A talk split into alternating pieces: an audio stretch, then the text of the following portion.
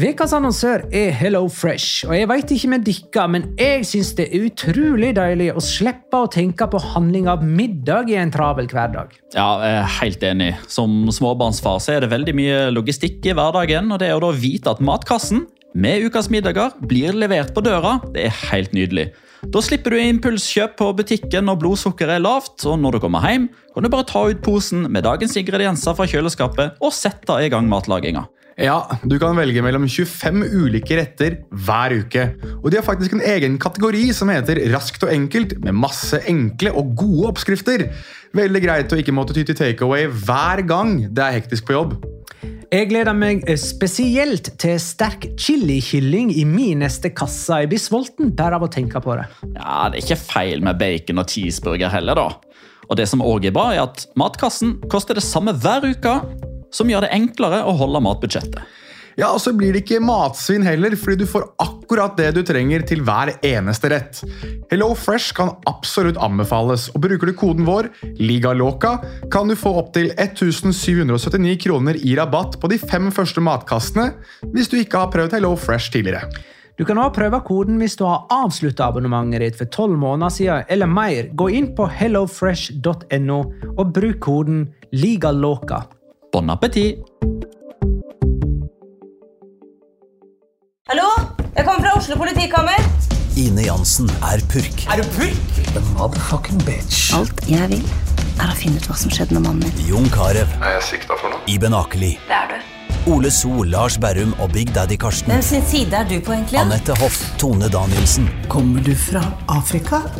Jørnis Josef, Nesten. Kløfta. Trond Espen Seim. Det er synd å si det, men det var feil mann som døde. Purk. Premiere tirsdag på TV2 Play.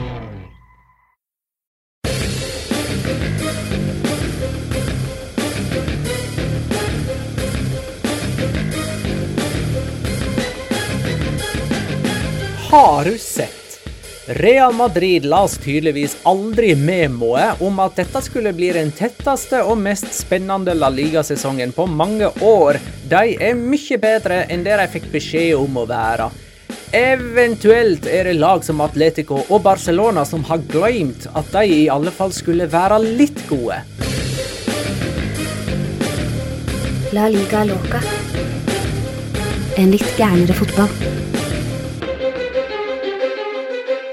Ja, ja, ja. Dette er La Liga Loca episode 187 av det ordinære slaget med meg, Magnar Kvalvik, på Lindeberg. Og hei, forresten. Og deg, Petter Veland, i Spydeberg. Hei. Hallo, fra ett berg til et annet. Hei, gode berg. Eh, og det ene er på, og det ene er i. Og det Og forstår jeg dagens gjest er Henning Bæ... Nei. Mm. Nei. Vil du ha sagt i eller på Henning Berg? Jeg hadde sagt hei, Henning Berg. Jonas er ikke med oss uh, i dag heller. Han har hodeverk. I dag heller, sier jeg. Han gikk glipp av en Patrion-episode i den forrige midtveka pga. et eh, julebord som han enda ikke har kommet seg helt eh, ifra.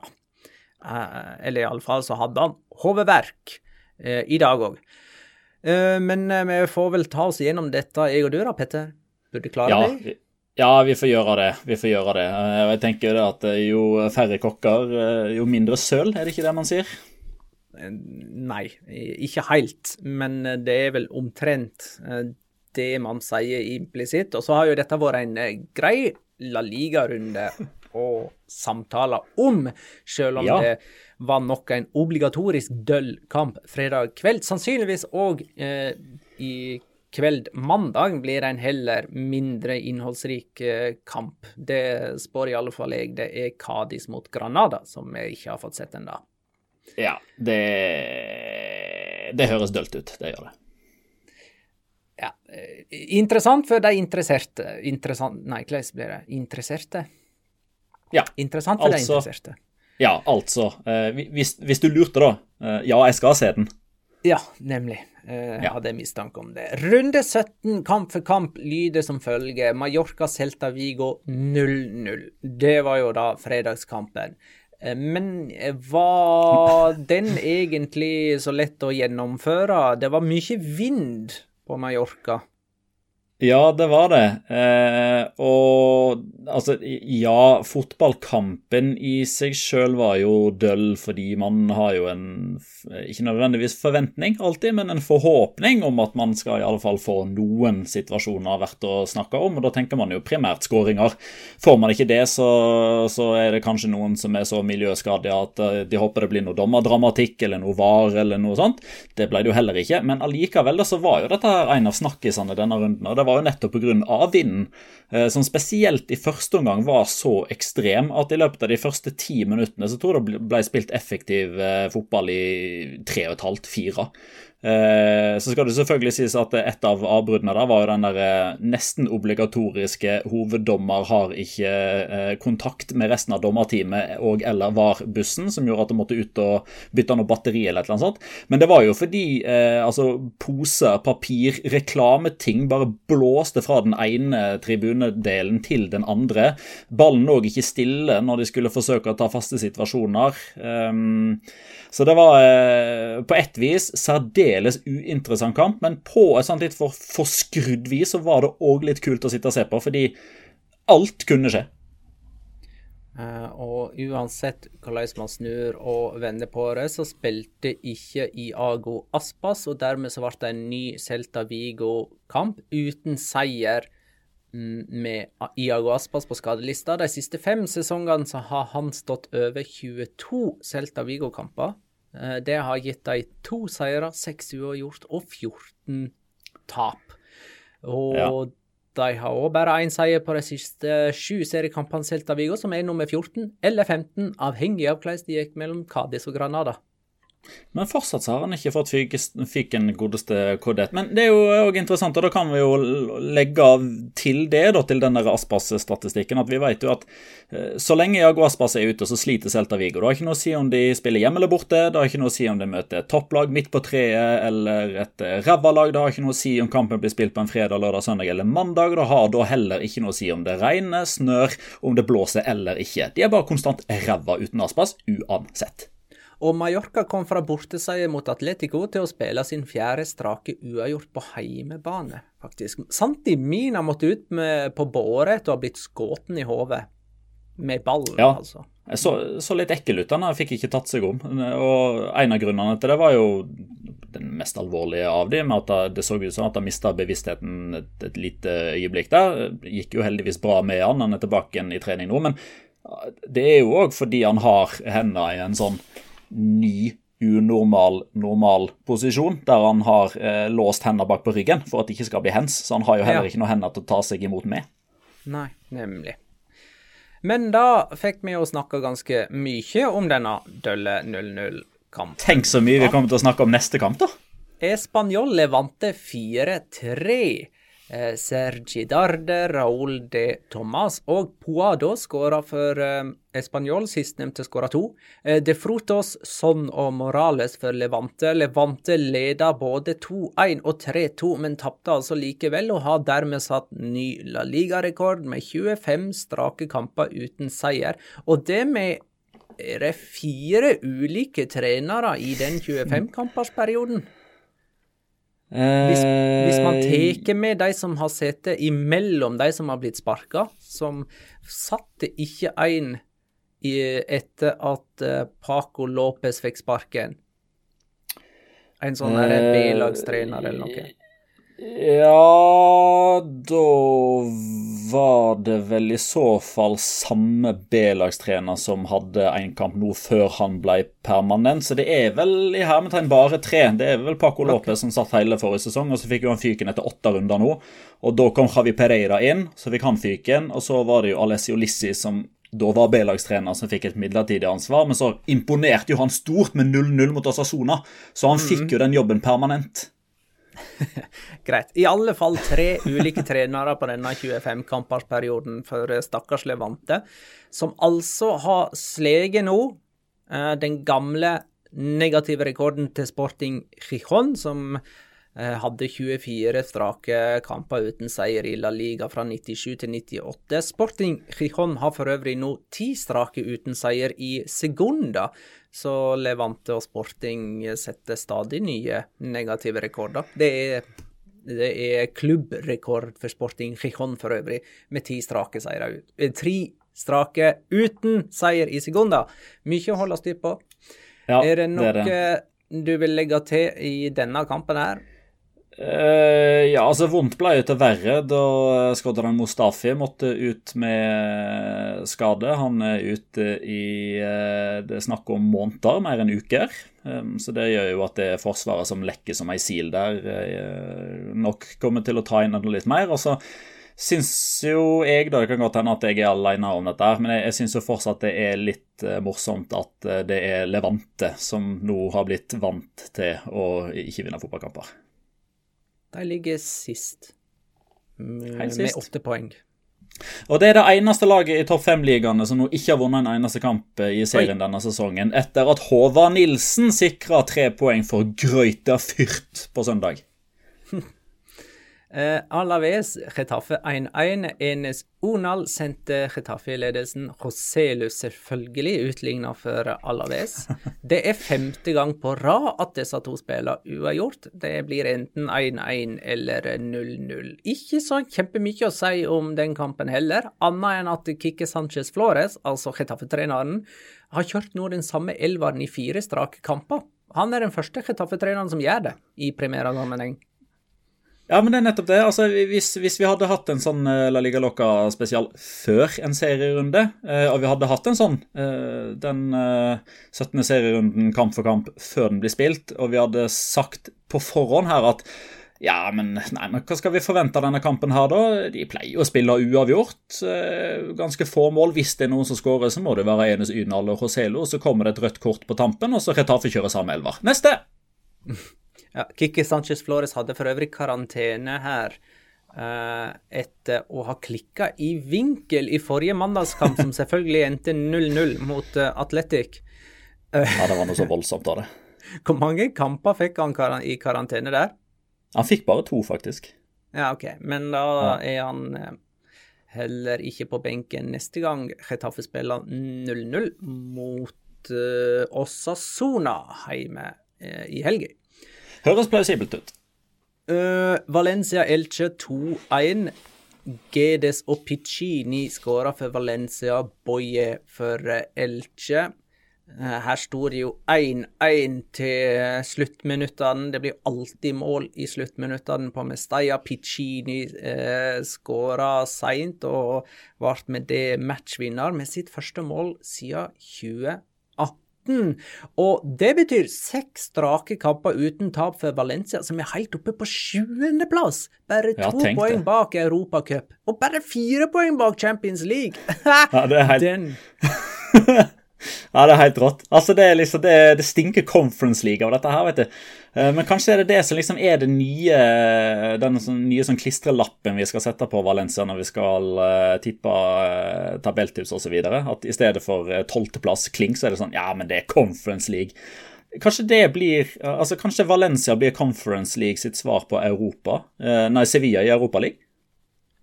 Eh, Ja, har ikke vi blitt enige om å kalle det Konferanseligaen?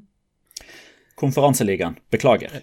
Chris Robin Eriksen skriver til oss at Sillesen noterte seg for sin andre målgivende i La Liga-karrieren, og da har han eh, like mange målgivende som Marc-André Ter Stegen, og det er bare Dodo Awate som, eh, av keepere som har flere målgivende enn han.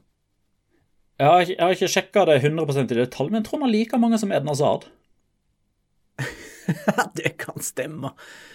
Eh, jeg ser òg på denne statistikken at Yasin Bono har to målgivende. Og han har skåra mål i tillegg. Yasin Bono hadde jo en eh, målgivende tidligere denne sesongen. han. Ja, det, det var det jeg tenkte. Han, han har jo masse målpoeng, da, Yasin Bono. Ivan Cuellar har to målgivende òg. Hei! Ai, ai, ai. Har han, har han fått det for drøying av tid? At så mye drøying av ti faktisk har betydd at de har tatt ett poeng, og så har han fått liksom sånn assist for det?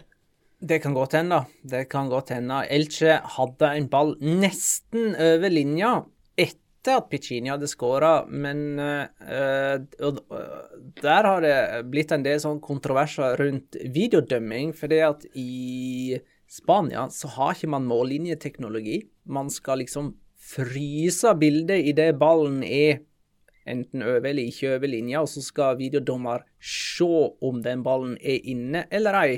Og så mm. mener noen at bildet ble frosset på et litt for tidlig tidspunkt, sånn at ballen var ikke inne da var, bildet var frosset. Men eh, man skulle ha latt det gå et tidels sekund lenger. Da hadde ballen vært mm. inne. Ja, det er rart med det. Og så skal vi sitte her og snakke om eh, at uh, det ene er mer riktig enn det andre. Altså, det er jo, uh, det, er jo egentlig bare én konklusjon her. Det er jo at goal line technology burde jo så definitivt ha vært på plass. For det er jo sånn at det er jo egentlig altså jeg vet at man liksom pleier å dra litt på når man liksom skal eh, latterliggjøre sånn, men det er jo sånn nesten at en hel verden sitter og ler av La Liga, som skal proklamere seg sjøl som eh, den kuleste og beste og største ligaen i verden i konkurranse med Bundesliga og Serie A og Premier League, og så har man ikke engang det enkleste verktøyet på plass. Altså, det er jo mye mindre uh, hassle med det. Det er jo uh, mye mindre kontroverser rundt det. Uh, jeg er klar over at det koster penger, men er det noe La Liga ikke kan si at de ikke har noe, så er det jo penger etter den CWC-avtalen. Det burde jo stått på altså, punkt to på den CWC-avtalen. Altså punkt én, få den gjennom. Punkt to, skaff goal line technology. For av alt som har med videodømming å gjøre, så virker det som det er veldig liten motstand blant folket for akkurat mållinjeteknologi. Den mm. eh, er ukontroversiell å innføre, liksom. Ja. Definitivt. Men, eh, men, men på grunn av det, da eh, altså, Ut ifra de bildene man ser, da, så syns jeg det er vanskelig å konkludere med at den var inne. Eh, fra noen vinkler så kan det se sånn ut, og så er det sikkert noen som har et sånn hjemmesnekra dataprogram der de trekker noen linjer som ser ut som eh, at de er rette, og så kan man konkludere med at ballen var to centimeter innenfor. Men eh, på bakgrunn av dette her så ble jo Cristiano Piccini matchvinner, og du var jo inne på det, Magnar, at han skåra sist i 2018. Det var jo mot Uesca med Francisco som trener den gangen òg. Selvfølgelig. Selvfølgelig. Atletic Sevilla 0-1. Thomas Delaney matchvinner for Sevilla, som er nummer to på tabellen. Atletic sløser bort så mange sjanser for tiden at til og med Sevilla vinner på samme mes. Tre ganger fikk Atletic store sjanser etter feil i Sevilla-forsvaret her. Jo, nesten ja, utrolig. Det er helt vilt. Altså, spesielt Diego Carlos hadde en del rare uh, involveringer der. Uh, Yasin Bono òg, men det er klart han, han, gjorde det jo godt igjen. Uh, Se opp, det har en statistikk her nå på, på de siste kampene til Atletic. Så har de altså skåra null mål på 56 avslutninger. Ti av de har truffet innenfor stengene, men keeper har redda de. 21 av de har blitt blokkert på vei mot mål. 22 har gått utenfor eller over, og tre har truffet stolpen, deriblant to da mot Sevilla. Så tenkte vi jo, etter den kampen mot, den midtukekampen eh, mot eh, Real Madrid, så tenkte vi at dette her, dette her, er vel noe av det drøyeste hva angår det å skape store målsjanser uten å skåre. Men da var det jo primært pga. at Tibor Courtois plukka alt. Men nå var det jo eh, kombinasjonen av at Yasin Bono tok det som gikk innenfor, og at de er fullstendig fullstendig ræva eh, på siste tredjedel. Åtte seriekamper på rad uten seier for Atletic, som bare har skåra ett mål på de siste seks uh, kampene. Um, og på de 17 seriekampene som de har spilt, så har de altså skåra 13 mål. Det er det laveste antall skåringer siden 1984 på dette tidspunktet av en uh, sesong. Abrahamsen følger opp sitt spørsmål fra forrige uke og ber oss snakke om Atletic Klubb nå. Eh, jeg husker ikke helt hva han spurte om da. Men det var, dette, det var jo dette med, liksom, med tanke på basketpolicy og sånn, hvor mye kan man egentlig forvente av Atletic, og er ikke det liksom et sånn midt på treet lag uh, sett ut ifra spillermateriale. Og det jeg tenkte var litt interessant å nevne, i alle fall, det er at Atletic er jo på en måte avhengig av å ha en god generasjon av spillere for å være gode og kjempe opp i toppen og ta en uh, topp fire-plassering uh, i ny og ne, liksom, som de gjorde under Bielsa i sin tid. Uh, og er rett og slett denne generasjonen av uh, Atletic-spillere ikke gode nok? Uh, altså gode nok, da tenker du f.eks. på å pushe en topp seks-plassering, altså europacupsil? Noe sånt. Ja. Eh, jeg syns de har spillere nok til det. Eh, altså Når man ser på den elveren de kan mønstre, da. Eh, altså De har den spanske landslagskeeperen i mål. Eh, og så vet jeg at det er veldig mange som altså hver gang navnet til Unai Simon kommer opp, så er sånn Haha, husker du det han gjorde mot Kroatia i EM? Men han er kjempegod. Eh, og hadde det ikke vært for han, så hadde det ligget enda lenger eh, nede. De har et knallsterkt stopperpar i Jedi Alvarez og Inigo Martinez. Eh, så skal det riktignok sies da at jeg syns de har slitt eh, veldig av at Juri Bercici og Andre Kapa ikke har spilt noe som helst denne sesongen. Juri Bercici er jo pga. at han har vært skada, dessverre. Eh, og det er faktisk en av de tingene som eh, Eller ikke en av de tingene, men det, det er faktisk litt sånn underkommunisert hvorfor han eh, ikke har spilt ennå denne sesongen. Fordi det er jo veldig mange i og rundt eh, klubben som, eh, som, sier at alle disse skadeproblemene som Juri har hatt, det er eh, etter alle solemerker, da, etter Det er jo begrensa hvor eh, hardt man kan felle en dom fordi det er lite, lite forskning på det osv. Men Eh, konklusjonen der er at Juri Becici fortsatt sliter med etterdønninger av eh, koronainfeksjonen som han fikk. Eh, lurer på om det var høsten i fjor. Eh, og etter det så har han liksom han har blitt skada med en gang han har kommet tilbake igjen etterpå. Og de testene som han, som han gjør på, på lunger, oksygenkapasitet og muskelfibre osv. er markant dårligere enn noen hva det var for et år siden. Eh, okay. Så det skal jo selvfølgelig òg tas med i ligninga her. Og så andre kaper, da må du rett og slett bare spørre Marcelino neste gang du snakker med han, Magna, hvorfor han ikke spiller. Jeg skjønner, jeg skjønner, ikke det. Altså, Oscar de Marcos var god for ti år siden, eh, ikke nå lenger. Og Inigo Lecoe han er så grå at hvis han står foran en vegg som er grå, så ser du ikke eh, Inigo Lecoe. Um, og altså Iker Monjain han er den spilleren i La Liga, faktisk helt helt i toppen i topp fem-ligaen òg, som skaper flest sjanser i etablert spill og på dødball. Um, og så har vi jo snakka om Minjaka Williams. Jeg syns det er ufattelig at han får så mye tillit som han får nå. For nå har han uh, Nå er det vel åttende sesongen på rad at vi sier at ja da, han er rask, han. Uh, han har spilt uh, snart 700 kamper på rad i La Liga, og han er sykt at han ikke blir skada. Det er kjempeprestasjon osv. Men han er jo vaksinert mot å skåre mål trippelvaksinert mot scoring Njaki Williams. Altså, det, det, der, der er det boosterdose der.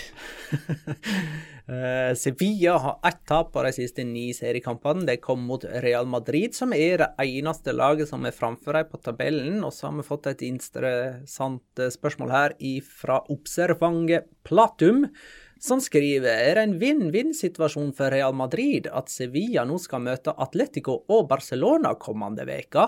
Dobbelt Sevilla-tap vil trolig parkere nok en tittelutfordrer, mens dobbelt Sevilla-seier vil definitivt parkere de to største rivalene. Kan jo Men si hei, det alternativet han ikke tar med der, er at Sevilla spiller uavgjort mot begge, og så sparker alle bein på hverandre, og så er Real Madrid enda lenger foran alle sammen. Ja, øh, og det han ikke nevner, er at det er en gunstig situasjon for Real Betis, som kan klatre forbi Sevilla og komme ja. nærmere Real Madrid, kanskje. Ja. Ja, det, men, det er det òg. Altså. Ja. Mm. Men, men, eh, poenget her er at Sevilla de møter Atletico og Barcelona i de to neste kampene før jul, og det er bare et par dager mellom de to oppgjørene. Ja, det er det. Det er søndag og onsdag, er ikke det det? Så det Nei, vent, nei, eh, lørdag og tirsdag. Ja, det er 18. Ja. og 21. Ja, riktig. Um, vil jo påstå at hvis man skal peke på en favoritt i de to oppgjørene, så jeg vil jo nesten peke litt på Sevilla i begge. Ja. Eh, men du veit at de ikke vinner begge. Nei, det gjør de ikke. Villarreal, Rayo Vallecano 2-0. Aisa Mandi og Gerard Moreno skåra for Villarreal. Sistnevnte skåra på straffe. Eh, Moreno eh, fikk der sitt andre seriemål for sesongen. Det var sånn at jeg måtte dobbeltsjekke, for det trodde jeg nesten ikke på det. Eh, og det var hans første skåring på to måneder. Han har jo slitt med skade de to månedene der. God uke da for Villarreal, som slo Atalanta og gikk videre i Champions League, og fulgte opp med tre poeng mot Rayo. Og Villarreal slo Atalanta, som slo Juventus, som er Villarreals neste motstander, og det burde jo bli eh, ja. Ja. Altså, all matematikk her tilsier all, her, altså, all matematikk tilsier at der kommer det til å bli en gul seier, men Eh, ja, altså det er jo litt sånn eh, På andre forsøk så, så går det for uh, Villarreal sin del. altså Hvis den kampen mot Atalanta hadde blitt spilt i Bergamo på onsdagen, da er jeg helt sikker på at Atalanta hadde tatt det, men så ble det på torsdag. Det ble på Una Emery-dagen, så da gikk det.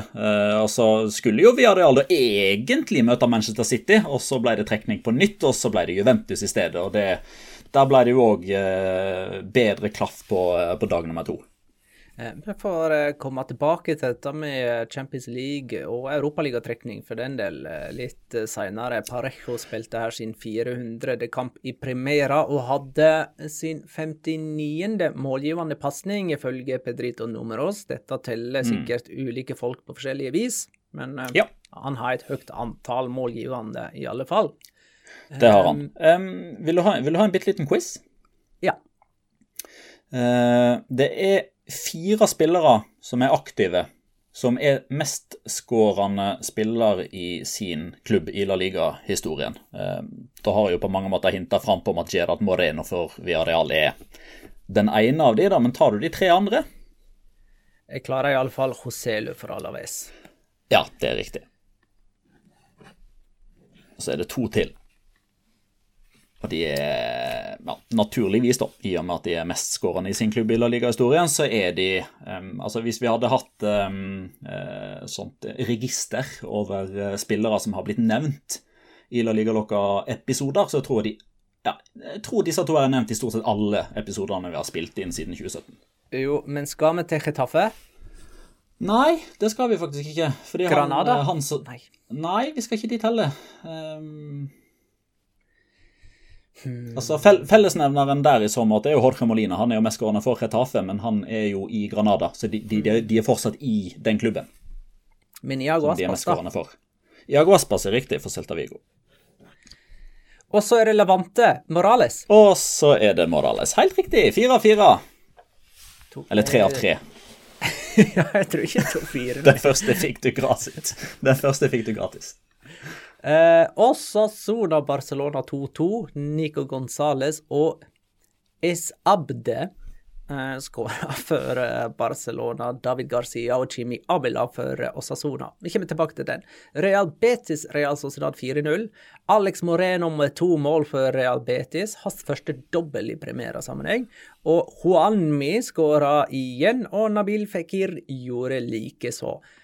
Eh, det betyr altså at Real Betis uh, nummer tre på tabellen. Uh, og da har vi fått et lite spørsmål fra Real Betis supporter Styrmann, som spør hvordan kamp kommer, i hvilken kamp kommer smellen for Real Betis. Dette kan jo umulig være.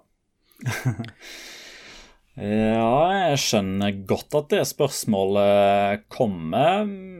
Det hadde jo vært litt sånn typisk da om eh, La Liga Loca kjæledeggene Real Betis og Nabil Fikir går på en kjempesmell når de skal til San Mames og møte gørrkjedelig atletikklubb eh, kommende helg. Ja, nemlig. Det hadde Men, jo eh, vært litt eh, typisk jeg ser for meg en smell i januar på Real Betis. At de liksom fullfører 2021 med, i den stimen de er i, og så starter et nytt år, og da er det et nytt gammelt Betis. Tilbake til normalen, liksom. Ja, altså, det er jo De har jo vunnet 28 kamper i dette kalenderåret her. Det er jo tangering av deres mest suksessrike år. Det var jo uh, 1997. Uh, hvis jeg ikke husker helt feil, så var vel det kan det ha vært den siste og nest siste sesongen der det da ble spilt 42 kamper, så da hadde de jo enda flere muligheter mm. til å ta, ta Og De har jo uh, Er det tre kamper de har igjen, uh, eller er det to? to? Nei, det er vel bare to for Real Betis. Det er Atletic, og så er det den cupkampen som er nå i midtuka. Den bør de jo vinne. Ja, sant. Så den ene kampen her mot Talavera fra tredje nivå i Copa del Rey, den gjør at eh, de får sin beste, sitt beste kalenderår i antall seire noen gang. Ja, og veit, veit du, Magnar, hvem som er direktør i Talavera? Å, nei. Det veit jeg altså ikke. Men skal vi tippe nå? skal tokere? Ja. Nei, eh, men han, eh, han er like kul, og han hadde sin prime i La Liga på samme tid cirka som Tokero, men i ei annen rolle. Altså ikke rolla på banen, men en annen rolle i fotballen. Del Nido. Uh, nei, det er ikke en tidligere president, det er en tidligere dommer. Hvis jeg sier han med sleiken Ja, uh, Muñiz Fernandes. Helt riktig. Cæsar Muñiz Fernandes. Eh, Så han hadde altså gått fra å drive en fiskerestaurant på stranda i Santander, eller var det Gijon? Det var Til å bli Det var Chiron, ja. Eh, Til å nå bli direktør i Talavera. Ah, fantastisk. Ja, uh, Betis er altså på tredjeplass. Nå er de fire poeng framfor Real Sociedad, som er, på, uh, som er nummer fem. Og Betis har altså ikke spilt i Champions League siden 05-06-sesongen, bare sånn at det er sagt. Real Sociedad har spilt fire strake seriekamper uten skåring, og de toppa jo tabellen før disse fire kampene. Der, der, der, det er kollaps. Men uh, vanskelige forhold, alt det. Ja, ja, det er det. Det er det. Men eh, det, det er jo gøy da at Betis er god samtidig som Sevilla er, er gode. Altså, Sevilla har jo hatt sin nest beste sesongstart gjennom alle tider, er det vel. Real Betis har jo nå sin beste sesongstart siden 96-97-sesongen. Så det, det at de driver og kniver med hverandre samtidig, det resulterer jo da, ifølge Mr. Chip, at det er første gang noensinne at Sevilla og Betis er topp tre etter så mange spilte kamper. Det har aldri skjedd før. Oi. Eh, siste kamp som vi ikke har snakka om nå, er Real Madrid Atletico, som endte 2-0. Oi, er Men, du ikke men skal, skal, skal vi Nei. uh, vi må hylle Manuel Pellegrini enda litt mer. Og nå er det ikke bare fordi han uh, ser ut som en million i Kelme grilldress, og fordi han er ingeniør, og fordi han er 89 år gammel. Men nå er det rett og slett på bakgrunn av de tallene som han leverer. Fordi han er den treneren gjennom historien til Real Madrid med høyest vinnerprosent i La Liga, med 82. Han er den treneren i Villarreal sin La Liga-historie med høyest vinnerprosent, med 48. Han er den treneren med høyest vinnerprosent i La Liga i klubbhistorien til Malaga, med 42 og nå er han pinadø meg det i Betis òg, med 52 Nesten litt undervurdert, han. Ja, der tror Litt du sånn kan anonym. eh, stryke Der kan du stryke nesten med jævlig. OK. Han er jævlig undervurdert. Han gjør ikke et stort nummer av seg heller. Eh, Nei, ikke det. Med et par unntak. Etter Ja, den, han eh, hadde litt sånn eh, gretten gammel gubbe-tendenser etter den hjemmekampen som de ikke vant når det var mye drøying av tid. Ja, også da Malaga røyk for Dortmund i Champions League. Ja, men det var, det var greit, syns jeg. At han klikka da? Det må være lov. Ja, det må være lov. Jo, jo, men uh, i den kampen mot Dortmund så var det faktisk Malaga som hadde dommeren med seg. eh, Så jeg husker at uh, Jeg var ikke enig, men uh, det- at jeg husker den klikken eh, til Pellegrini, sier ganske mye om han. For det er liksom den ene klikken han har hatt. Ja.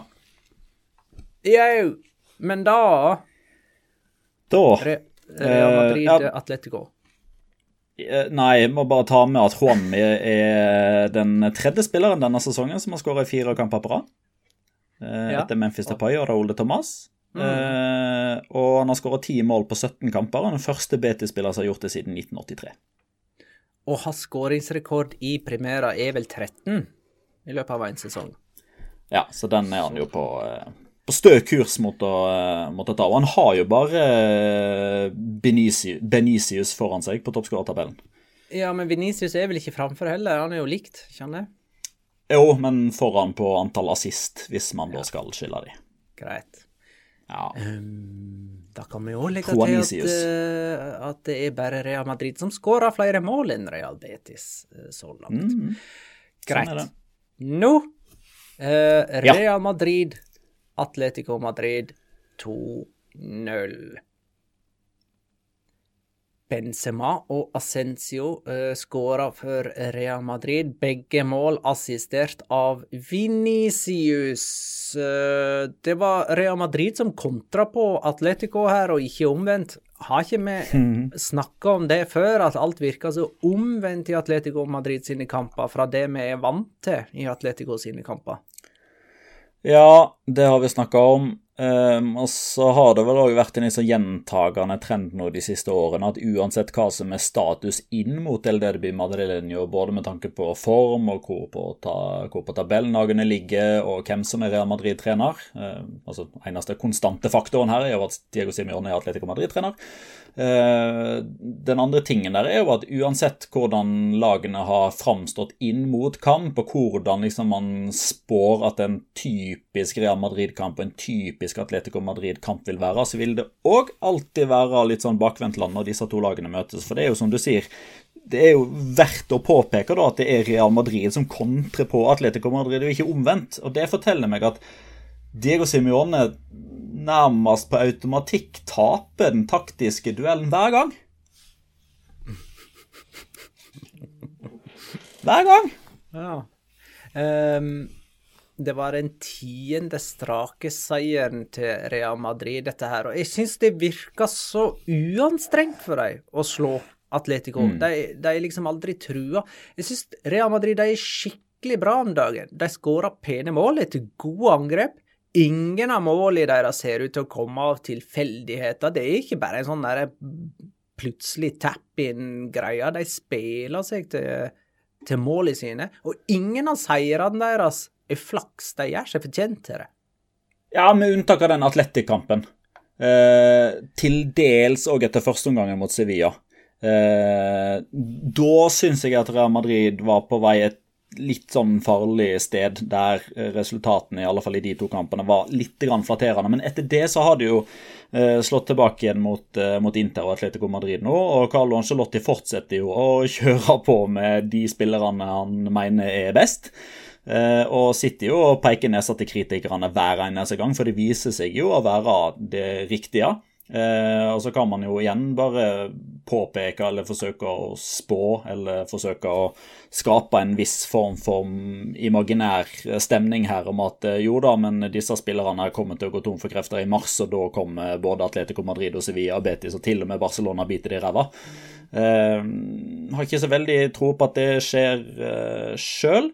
Eh, men det er som du sier, det virker så ekstremt solid. Eh, det virker som at eh, de er i ferd med liksom å, bygge noe som er Det er et veldig flott kunstverk de er i ferd med å bygge der nå. Fordi du har Thibaut Courtois, som denne sesongen, denne høsten her, har vært klink topp tre-keeper i verden. Den beste i La Liga. Det syns jeg er helt ubestridt nå, i og med at Jan Oblak driver og setter inn dobbeltgjengeren sin av og til.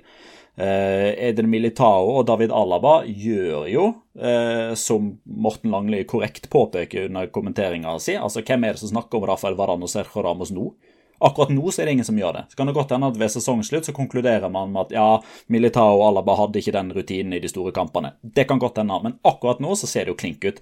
Carvajal men de er jo eh, garantister for ikke å tape eh, La Liga-kamper. Altså, Ferland Mendy har tapt én av 52. Carvajal har tapt én av de siste 51. Og Det som er helt sjukt der, er at de to tapene har kommet i to forskjellige kamper mot Levante, som nettopp har satt ny La Liga-rekord i kamper bra uten å vinne! og så har du Kroos, Casemiro og Modri som bare dundrer på, og som blir avlastet litt av eh, Valverde og Camavinga iblant. Benzema er Benzema, Venicius er Venicius, og så begynner faktisk Marco Ascencio å levere litt òg nå. Og der har du liksom Der har du oppskriften, da. Uh flere og flere tar til orde for at uh, La Liga-tittelen er avgjort. Real Madrid vinner den. De er 13 poeng framfor Atletico og 18 framfor Barcelona. Så om noe skal skje utover vårsesongen, så er ikke det bare med Real Madrid. Uh, men òg med Atletico og Barcelona, som må gjennom en slags total forvandling ut ifra det vi har sett uh, nå. da. Eh, og Real Madrid eh, oppdaga de har elleve strake kamper uten tap mot de to lagene der til sammen. Hm. Ja. Ja, de har det. De, de, har vært gode. Men dette faller jo inn under det begrepet som, uh, som Jonas brukte ofte, som vi slang oss litt på med Dr. Jekyll og Mr. Hyde. Altså, de har jo vært gode mot de antatt beste i ganske mange sesonger nå. Uh, også de foregående sesongene så har jo poengtapene kommet mot Levante og Cádiz og Alaves, liksom. Uh, så akkurat den stimen der har de holdt gående lenge, men jeg tenker at de statistikkene der kommer jo ikke å vare for evig. og Altså, dette her er ikke et sånt uh, håpløs uh, produkthype, uh, tut-tut, kjør, toget går, kjør da, uh, på at dette her er åpent og at alt kan skje i La Liga. Real Madrid kommer etter alle solemerker til å vinne La Liga når de har det forspranget her, men det betyr ikke at det ikke kan bli spennende. Husk forrige sesong, Atletico Madrid. Da snakka vi rundt juletider med tanke på det forspranget de hadde og antall kamper de hadde til gode på de andre, om at dette her kommer Simeon og de til å cruise inn, og så plutselig, så når de først kommer inn i en sånn dårlig steam, så er den litt vanskeligere å komme seg ut av. Eh, det gjenstår å se hva som skjer i, Champions League. altså Nå fikk jo Real Madrid knalltøff motstand mot, eh, mot, PSG, men hvis de går langt der, så må Carlo Angelotti plutselig gjøre det samme som han til dels gjorde i 2013-2014, med å kanskje prioritere bort en av turneringene. Da er det kanskje lett å gjøre det i den eh, turneringa der man har størst sjanse til å vinne i utgangspunktet, altså en seriesesong der man leder med flere poeng. Uh, og så syns jeg igjen uh, at fellesnevneren her mellom sesongene til Real Madrid og spesielt Barcelona, den fører meg igjen tilbake til den der 2003-2004-sesongen, som ser ut til å være sånn déjà vu for Barcelona sin del. Og det som skjedde i 2003-2004, det er jo den eneste gangen i La Liga-historien at et lag har kasta bort en avstand på åtte poeng eller mer uten å bli seriemester, det var Real Madrid. De var åtte poeng foran Valencia med tolv serierunder igjen, og de tapte seriegullet. Og nå er det åtte poeng fra Sevilla, som enda ingen klarer helt å ta på alvor. Atletico har 29 poeng. På dette tidspunktet i fjor hadde de 41. Frank Sande Fet skriver er det innafor å si at selv om Laos gjør mye ut av seg, altså Matheo Laos, dommeren, så gjør han en forbanna god jobb som dommer. Virker som han alltid har kontroll på situasjoner, god dialog med spillere osv. Og vel, jeg tar det innspillet der fra Frank Sandefett, fordi at jeg er den ene i La Liga-redaksjonen som liker Matheo Laos. Ja, jo, altså, jeg, jeg, skjønner, jeg, skjønner, hvor du vil hen. Altså, Jeg, jeg synes jo det, altså jeg gleder meg jo til kamper der Matheo Lars skal dømme, men det er jo fordi man som regel får noen situasjoner som, eh, som man snakker om i etterkant, og det, det gir oss eh, enten negative eller positive situasjoner å snakke om. Um, og det er vanskelig å være uenig når bortimot et samstemt Uefa-panel mener at det er han som er best, og han skal ha finaler, og um, han blir eh, rost i skyene av dommersjefer rundt om i verden. Altså, at han er en god kampleder, er det ingen som helst tvil om, men jeg syns fortsatt, og det er det ingen som kan overbevise meg om motsatt, at han er en medvirkende årsak til lav effektiv spilletid fordi han er så pratasjuk. Han er så pratesjuk! Men han bidrar til effektiv spilletid ved eh, ved å legge lista ganske høyt, da. For å blåse frispark og sånt. Men jo, han har ja, sine flås. Det, det, kan du godt mene. Jeg, eh, jeg liker han, eh, men jeg veit at ikke alle deler det synspunktet. Vi hopper videre nå til Barcelona og deres 2-2-kamp i Pamplona. Først kan vi jo notere oss da at det er to 19-åringer som skårer for Barcelona. Nico Gonzales, eller bare Nico om du vil, og Abdesaman Esalsoli, eller Esabde, som eh, mm. man tydeligvis skal kalle ham, da. En uh, ny marokkansk venn av uh, Jonas i La Liga-sammenheng. Ja. La du merke til det intervjuet som gikk viralt etter kampen på Twitter? Nei. Nei, det er jo et eh, Jeg er litt usikker på om det var med Barcelona sin eh, offisielle TV-kanal, eller om det var en av de katalanske TV-stasjonene, eller hva det er for noe. da. Men eh, det er jo S. Abde som står og blir intervjua. Svarer godt for seg på eh, på det første spørsmålet som han får. Eh, og så får han et oppfølgingsspørsmål, og så blir han plutselig bare stående der. Sånn, helt sånn, sånn to-tre sekunder, og så sier han liksom eh, Hæ, hva, hva var det du sa? Jeg fulgte ikke med.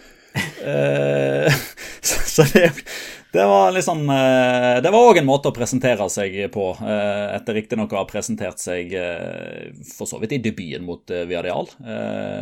og i den kampen der så gjorde han jo sånn som andre kjempestore Barcelona-talenter har gjort, for, gjort før han, nemlig å skåre sitt første mål på San Mames. Ansu Fati gjorde det. Ilaj Moriba gjorde det. Og Nico Gonzales hadde jo allerede gjort det i samme kamp. Så det er jo åpenbart at eh, hvis du er, hvis du er ung Barcelona-spiller, be om å få debutere på San Mames. Eh, to seire, to uavgjort og to tap på seks kamper under Xavi. Ja. Ikke så veldig imponerende, det. Og de røk altså ut av Champions League eh, etter at han tok over. Ikke bare hans feil, selvfølgelig, men nei, nei, jeg syns du hadde vært streng eh, hvis du hadde konkludert med at det var hans feil. Men han skal heller ikke fritas for noe, fordi eh, en av diskusjonene som gikk veldig på, eh, på torsdag, eh, altså dagen etter at eh, Barcelona røyk ut av Champions League, det var jo at eh, det virker som at Barcelona forsøkte å fortelle en historie eller påvirke narrativet til å bli at de røyk ut av Champions League mot Bayern München, verdens beste lag. Uh, og da var det liksom veldig mange som korrekt påpekte at uh, nei, dere røk ut mot Benfica fordi dere tok ett av seks poeng mot de. Um, og ene, det ene poengtapet der var jo uh, den første Champions League-kampen til, til Xavi. men en spiller som debuterte uten å skåre mål, riktignok, uh, for A-laget til Barcelona, var jo Ferran Jutgla. og det forteller egentlig litt for mye eh, for Barcelona sin del. Eh, det faktum at han er allerede den 12. desember, den 32. spilleren som får spilletid denne sesongen. Det er sånne tall som Granada var oppe i hele forrige sesong, når de hadde den covid-kampen borte mot Real Sociedad som gjorde at åtte mann fikk debuten sin der. Mm. Altså 32. Og spillere som er født i 1998 eller seinere, altså det Serginho Dest, Ronald Araujo, Ricky Pooch, Ansu Fati, Yusuf Demir, Pedri, Mingesa, Erik Asia, Nico, Gavi, Balde, Es Abde, Ilias og nå Ferdan Jutgla. Det er altfor mange. Det er altfor mange. Hver og en for seg kjempestore eh, talenter. Eh, mange av de kommer sikkert til å prege både Barcelona og eller et annet La Liga eller et annet toppligalag i en annen liga de neste årene. Jeg er helt sikker på at dette her er, altså alle de her, bortsett fra Ricky Puch, kommer vi til å høre masse om i årene som kommer, men ikke samtidig for ett og samme lag uten ryggrad. Hmm. Uh, Barcelona er nå på åttendeplass. De er fem poeng bak Champions League-plass. Uh, og Sebastian Sirnes spør hva er mest realistisk for Barcelona med tanke på neste sesong? Champions League, Europa League eller Konferanseligaen? uh, nei, Konferanseligaen er vel ikke aktuelt i så måte for en Champions League-plass, er det det?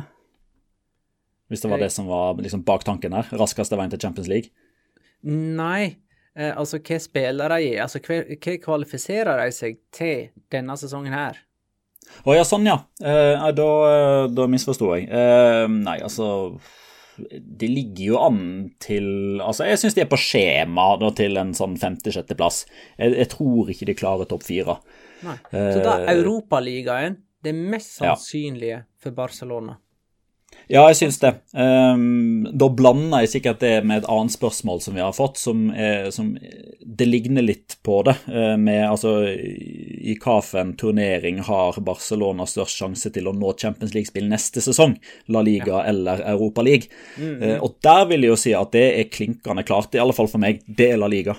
Mm. Uh, for Europa League, der, altså, der, er sjansen stor for at de ryker ut allerede først i, i playoff-runden der mot Napoli. OK, da går vi over til å snakke om europacuptrekningen, da. Eh, La meg ja, ja, men... en, eh, La meg bare få ta en siste kjapp ting, for jeg merker at jeg ble veldig, veldig sånn negativ på, på Barcelona sine vegne. Så For en liten oppkvikker, da. Det som skjedde i 2003-2004 for Barcelona eh, For jeg lot jo den henge litt sist og knagga den på Real Madrid i stedet.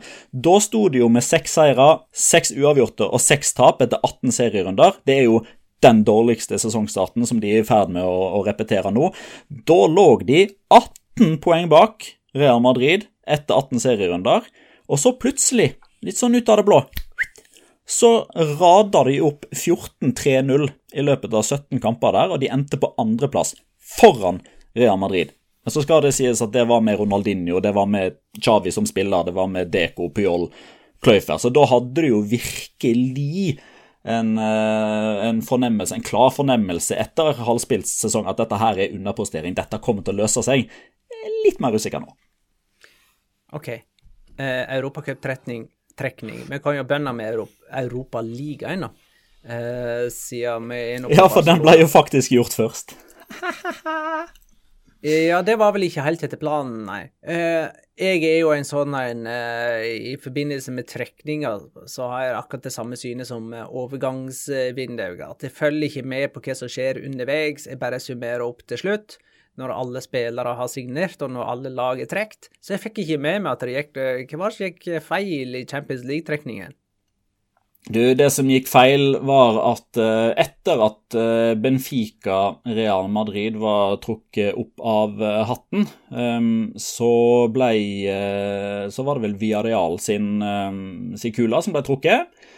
Eh, og av en eller annen merkelig grunn så ble uh, den kula til Manchester United den ble putta oppi uh, den som uh, Andrej Arshavin uh, drev og romsterte nedi. Så da Viareal da ble trukket mot Manchester United, da begynte jo godeste Giorgio Marchetti å, å stamme litt. grann. Og han pleier jo å ha full kontroll på dette her. Eh, og sa jo at nei, men dette går jo ikke, så vi må trekke på nytt. Eh, og så kom Manchester City opp av, eh, opp av kulo. Og hvis det, hvis det liksom bare hadde vært det som hadde vært feilen, så tror jeg man hadde latt det stå. Men det som skjedde, var jo at uh, denne softwaren, eller den computeren som da hjelper de underveis i trekninga for å sørge for at man f.eks. ikke kommer i situasjoner der det plutselig bare er to lag, eller ett lag igjen i hver pott, og så, de, så viser det seg plutselig at ja, men de er jo fra samme land, så de kan jo ikke bøttes. Så for å unngå sånne situasjoner, så har de en software som tenker gjennom alle mulige eh, scenarioer. Og den hadde da fått prenta inn Manchester United er allerede trukket. Så da eh, neste lag eh, kommer opp av eh, bollen av eh, toerlagene Eh, nå husker jeg ikke i farten hvem det var. Eh, men uansett, da. Da skulle jo Manchester United ha blitt lagt opp Jo, Atlet Atletico Madrid, tror jeg det var. Eh, Atletico Madrid ble trukket opp av ballen, og da skal jo egentlig Manchester United kule gå oppi. Fordi Atletico Madrid kan møte Manchester United, for de er gruppevinner og ikke fra samme nasjon. Men Manchester United kule blir aldri lagt oppi. Så Atletico Madrid har jo da eh, fått en, eh, en såkalt eh, falsk trekning. Eh, og eh, på bakgrunn av det så har jo da hele trekninga måttet bli gjort på nytt. Barcelona trakk altså Napoli i Europaligaens playoff til utslagsrundesystem. Eh, og Petter har allerede spådd Barcelona ryker ut der. Eh, Jeg syns for øvrig det var litt morsomt eh, når det var en, eh, en Barcelona-supporter som la ut altså Etter det der Champions League-trekningsgreiene med at det måtte bli om, omtrekning, eh, så, så stilte han spørsmålet hvem fikk Barcelona i trekning nummer to. Å ja, faen, stemmer det. Vi var i den andre trekninga, vi, ja. Si en prosent, da. Barcelona-Napoli. 40-60? Ja, jeg er på 40-60 nå, vel vitende om at det kan godt endre seg i løpet av de neste to månedene. Drit i det. Eh, Sevilla Dinamo Zagreb. Eh, 90-10. Real Sociedad Red Bull Leipzig. 40-60. Eh, eh, Zenit mot Real Betis. 30-70. Og så over i Champions League. Atletico eh, trakk Manchester United Eh, Det vil si at Atletico skal gjøre et godt inntrykk i England igjen. Eh, Ja. Ta en prosent der, da. 55-45. Favør Atletico der, altså. Eh, Viareal Juventus. Der har vi jo allerede gjort den matematiske utretningen. Ja, eh, det var softwaren som snakka. Eh, eh, Det var kunstig intelligens. Nå er det normal intelligens. Justerer den til 45-55. Oi, ganske tett likevel, da, i dine øyne. Ja. Og så var det Real Madrid som var heldig og trakk Paris Saint-Germain. Det var jo Paris Saint-Germain eller Chelsea alle gruppevinnere frykta å trekke. Real Madrid får besøk av Sergio Ramos og Kylian Mbappé og hele gjengen. Sier du Ja, 50-50 der, eller? Jeg hadde vel egentlig tenkt å unngå en 50-50, da, for Ja. å ikke være en sånn uh, kjip halvgarderingsmann. La oss si 55-45 Real Madrid der, da. 55 eh, i favør av Real Madrid. Ja. Men god. eh, all, alle de tre spanske der er ekstremt jevne. Det, det kan like gjerne bli null som tre spanske lag i kvartfinalen. Eh, sannsynligvis én eller to. Ja. Skal Så der har du helgarderinga, Magnar. Der har du helgarderinga du jakta. Ja da. Måtte komme. Uh, Ja. Vi kårer rundens spiller, da. Mm. Hvem var det eh, Jonas nominerte? Var det Alex Moreno? Nei, Nei, det Poado. ja. Poado i Español. Ja. Ja, han, Eh, og da tipper jeg at eh, Jonas eh, nominerte han fordi han skåra eh, to mål mot eh, Levante. ja. Og han blir automatisk nummer tre siden Jonas ikke er her. eh, Og får Hadde blitt nummer tre uansett, skal jeg si deg. Eh, da, da får min nominasjon bli nummer to, da. Eh, og Martin Hellerud ber oss jo pent og pyntelig om et aldri så lite Luka Modric-dikt. Jeg har nok ikke poesi på lager her, men Luka Modric er altså min nominasjon. Barnas beste i Madrid-derby. Fikk stående ovasjoner uten verken skåring eller målgivende. Det er ganske sjelden man ser, faktisk. Han fikk det bare pga. utallige ballvinninger og eh, bare presise pasninger. Han har starta fem kamper på de siste 14 dagene og ser helt uh, uanfekta ut. På tross av sin alder på 36. Eh, Men vi skal liksom ikke bruke denne alderen, egentlig. eh, Jeg hadde nær sagt verken mot han eller i favør av han.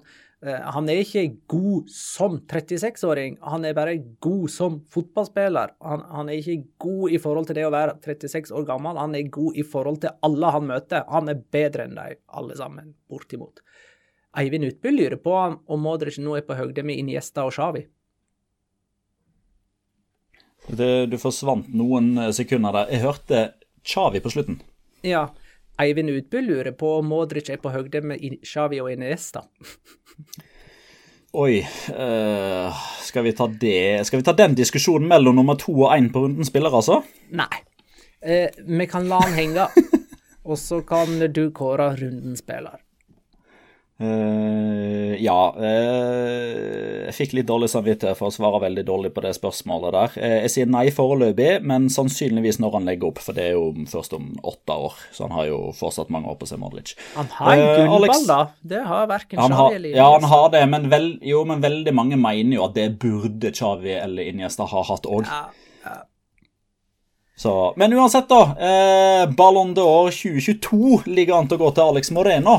Eh, I hvert fall hvis han eh, fortsetter et eh, snitt på tre målpoeng per spilte kamp. Eh, for Real Betis de kjørte jo fullstendig over eh, Real Sociedad på eh, Benito Villamarin søndag kveld. Um, og den første skåringa skal vi vel ikke legge så veldig mye i. Uh, altså, det finnes spillere som har bomma på åpent mål fra 25 meter, men det gjorde ikke Alex Moreno. Uh, men innlegget hans til Juanmi er det høy kvalitet over. Det er nøyaktig sånn innlegg skal uh, slås i fart. Du får bananskruen på den, vekk fra keeper, rett på pannebrasken på en spiss som bare kan møte ballen og sette hodet til. Helt rått. Eh, og den tilsynelatende innøvde varianten mellom Sergio Canales og Alex Moreno helt ute til venstre, som egentlig starter ved midtbanen, egentlig litt sånn inne på egen banehalvdel, eh, som sørger for at Alex Moreno får en, eh, en autostrada å løpe på og, og skåre alene med Alex Edemido fra litt skrått hold. Det var, det var helt rått. Så når du skårer to mål og har én målgivende som venstreback, og du ikke har etter Jordi Alba eller Marcelo og er din prime, så syns jeg du fortjener en førsteplass. Gratulerer, Alex Moreno. Da er det tid for Locora! Ukens La Liga Locura. Locura. Locura. Locura. La Liga Locura. All right. Jeg kan eh, begynne. Mm. Um, du nevnte jo Alex Moreno som skåra i åpen mål fra 25 meter. Og hvorfor gjorde han det? Jo, eh, det var fordi at eh, keeper eh, hos Real Sociedad, Alex Remiro, hadde en vanvittig utrustning i eh, det angrepet. Han var plutselig midt eller ja, nærmere midtstreken enn sitt eget mål i en duell med uh, William José og en annen Real Sociedad-spiller. Jeg husker ikke i farten hvem det var. Men altså, det var en duell mellom to utespillere inne på Real Sociedad uh, sin banehalvdel. Og den valgte altså Alex Remiro å bli med i, av en eller annen merkelig grunn. Uh, jeg veit ikke om du har spilt mye Fifa i din tid, Petter? Uh, litt til at jeg tror jeg veit hvor du skal hen. Eh, OK. Eh, det overrasker meg i så fall. Men eh, på, på et eller annet tidspunkt så, så ble det en sånn funksjon i Fifa der du kunne liksom trykke på trekanten, og da kunne keeperen din komme på sånne utrustninger som det der. Og når Ja. jeg spilte mot andre, med kompiser, da, og jeg liksom førte ballen inn på motstanders banehalvdel, så kunne keeper bare sånn plutselig dukke opp i bildet, komme stormende imot meg fordi at eh, kompisen min hadde trykt på trekanten, og jeg ble helt perpleks av det. Ble fullstendig satt ut av spill, visste ikke hva jeg skulle gjøre. Ja, ja, ja. Og eh, jeg tenkte litt på da det skjedde med med eh, William José, at når det plutselig kommer en keeper inn i duellen, hva pokker skal man gjøre? Da blir ikke man litt perpleks. Eh, Men eh, William José han holdt hodet kaldt. Han eh, vendte opp og fant Alex Moreno som eh, skåra fra 20 meter. Og det var veldig moro å se på eh, nærbildet av Remiro etterpå, for eh, hva han tenkte der, det var ikke bare han. Ja, det er ikke godt å si. Det er ikke godt å si. Ja, vær så god, Petter. Eh, du, um, jeg tenker litt på det der ordtaket, eller den ja, Hva vi skal kalle det for. Altså, Du har jo blant annet Twitter-konto og litt sånn. Uh, du har en Twitter-konto som uh, f.eks. baserer seg på uh, 'images that precede unfortunate events'. Eh, og i Spania nå så er det jo eh, headline that precede unfortunate events eh, som har blitt en aldri så liten snakkis. Det er faktisk Sid Lowe jeg har tatt den herfra, for han eh, fant fram en eh, tweet fra Valladolid fra slutten av august. Da hadde de signert en ny spiller som heter Gonzalo Plata. Eh, I utgangspunktet stjernesignering for en klubb som eh, Valladolid. Eh, 21 år gammel ecuadorianer. Folk skjønte liksom ikke helt ok, hvordan har de fått tak i han? han? Han har jo vært så god, han må jo på et høyere nivå. Eh, og det de skriver da, når de ønsker han velkommen, eh, det er jo eh, Gonzalo Plata, brillante y muy buen conductor. Um, og så er det liksom ingen som skjønner helt bakgrunnen for at de skal da si at han er briljant og en veldig dyktig sjåfør. Eh, Det kan godt hende at det viser seg at han er flink til å føre ballen, og at dermed altså at han er en god sjåfør for ballen. Eh, Men det som skjedde på onsdag, eh, det var jo at Gonzalo Plata fyllekjørte og havna i en kollisjon.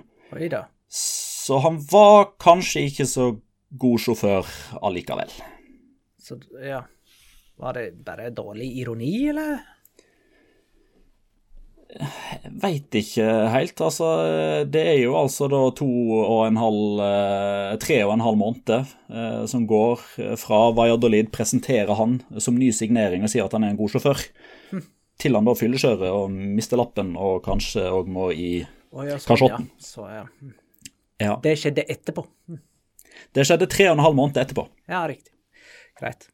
Uh, nei, men det er godt. Skal du si et ord eller to om denne eh, økonomiske avtalen som La Liga har inngått?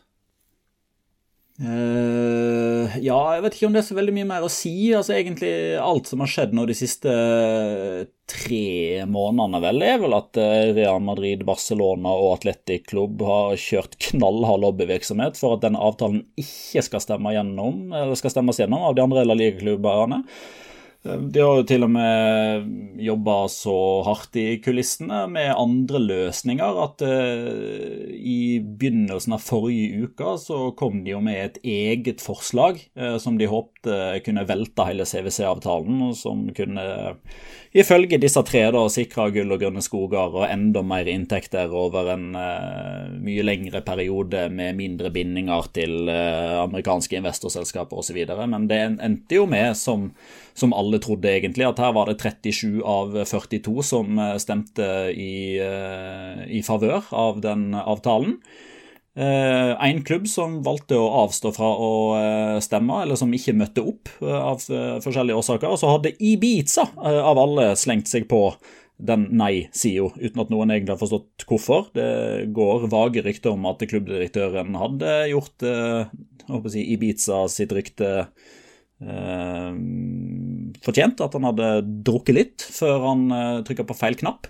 Men uansett, den, den, ble, den ble stemt gjennom. Eh, Real Madrid, Atletic, Ibiza og, eh, og, og Atletic de står utenfor den avtalen. De kan på hvilket som helst tidspunkt velge å join the club og få sin del av kaka, men enn så lenge så får de ingenting. Eh, Men de beholder rettigheten til sine egne audiovisuelle rettigheter, som jo er det La Liga har solgt over en 50-årsperiode til dette eh, amerikanske investorselskapet. Og det betyr i praksis at mange klubber får masse penger nå, mens Ja. Real Madrid, Barcelona og Atletic får de pengene de pleier å få over lang tid.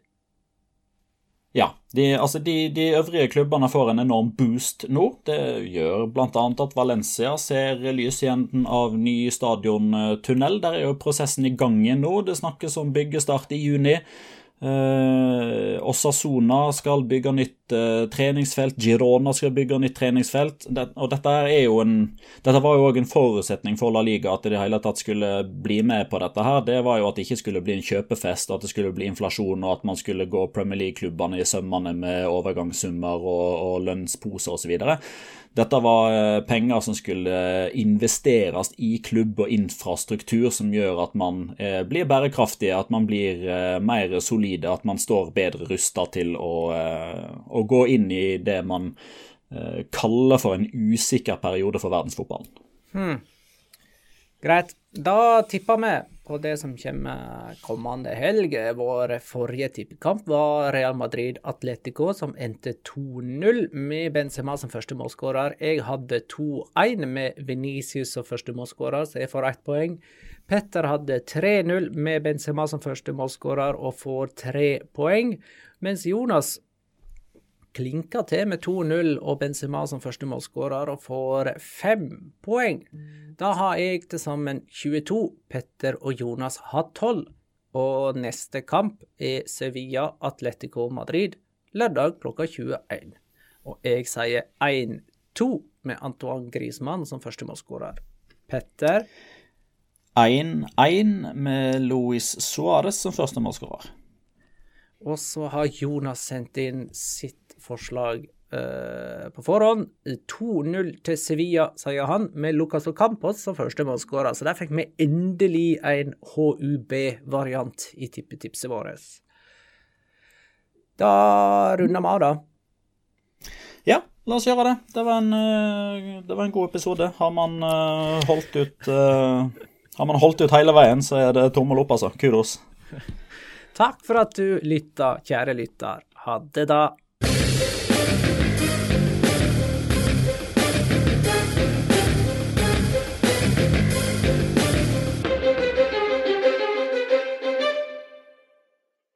Har du et enkeltpersonforetak eller en liten bedrift? Da er du sikkert lei av å høre meg snakke om hvor enkelt det er med kvitteringer og bilag i fiken, så vi eh, gir oss her, vi. Fordi vi liker enkelt. Fiken superenkelt regnskap.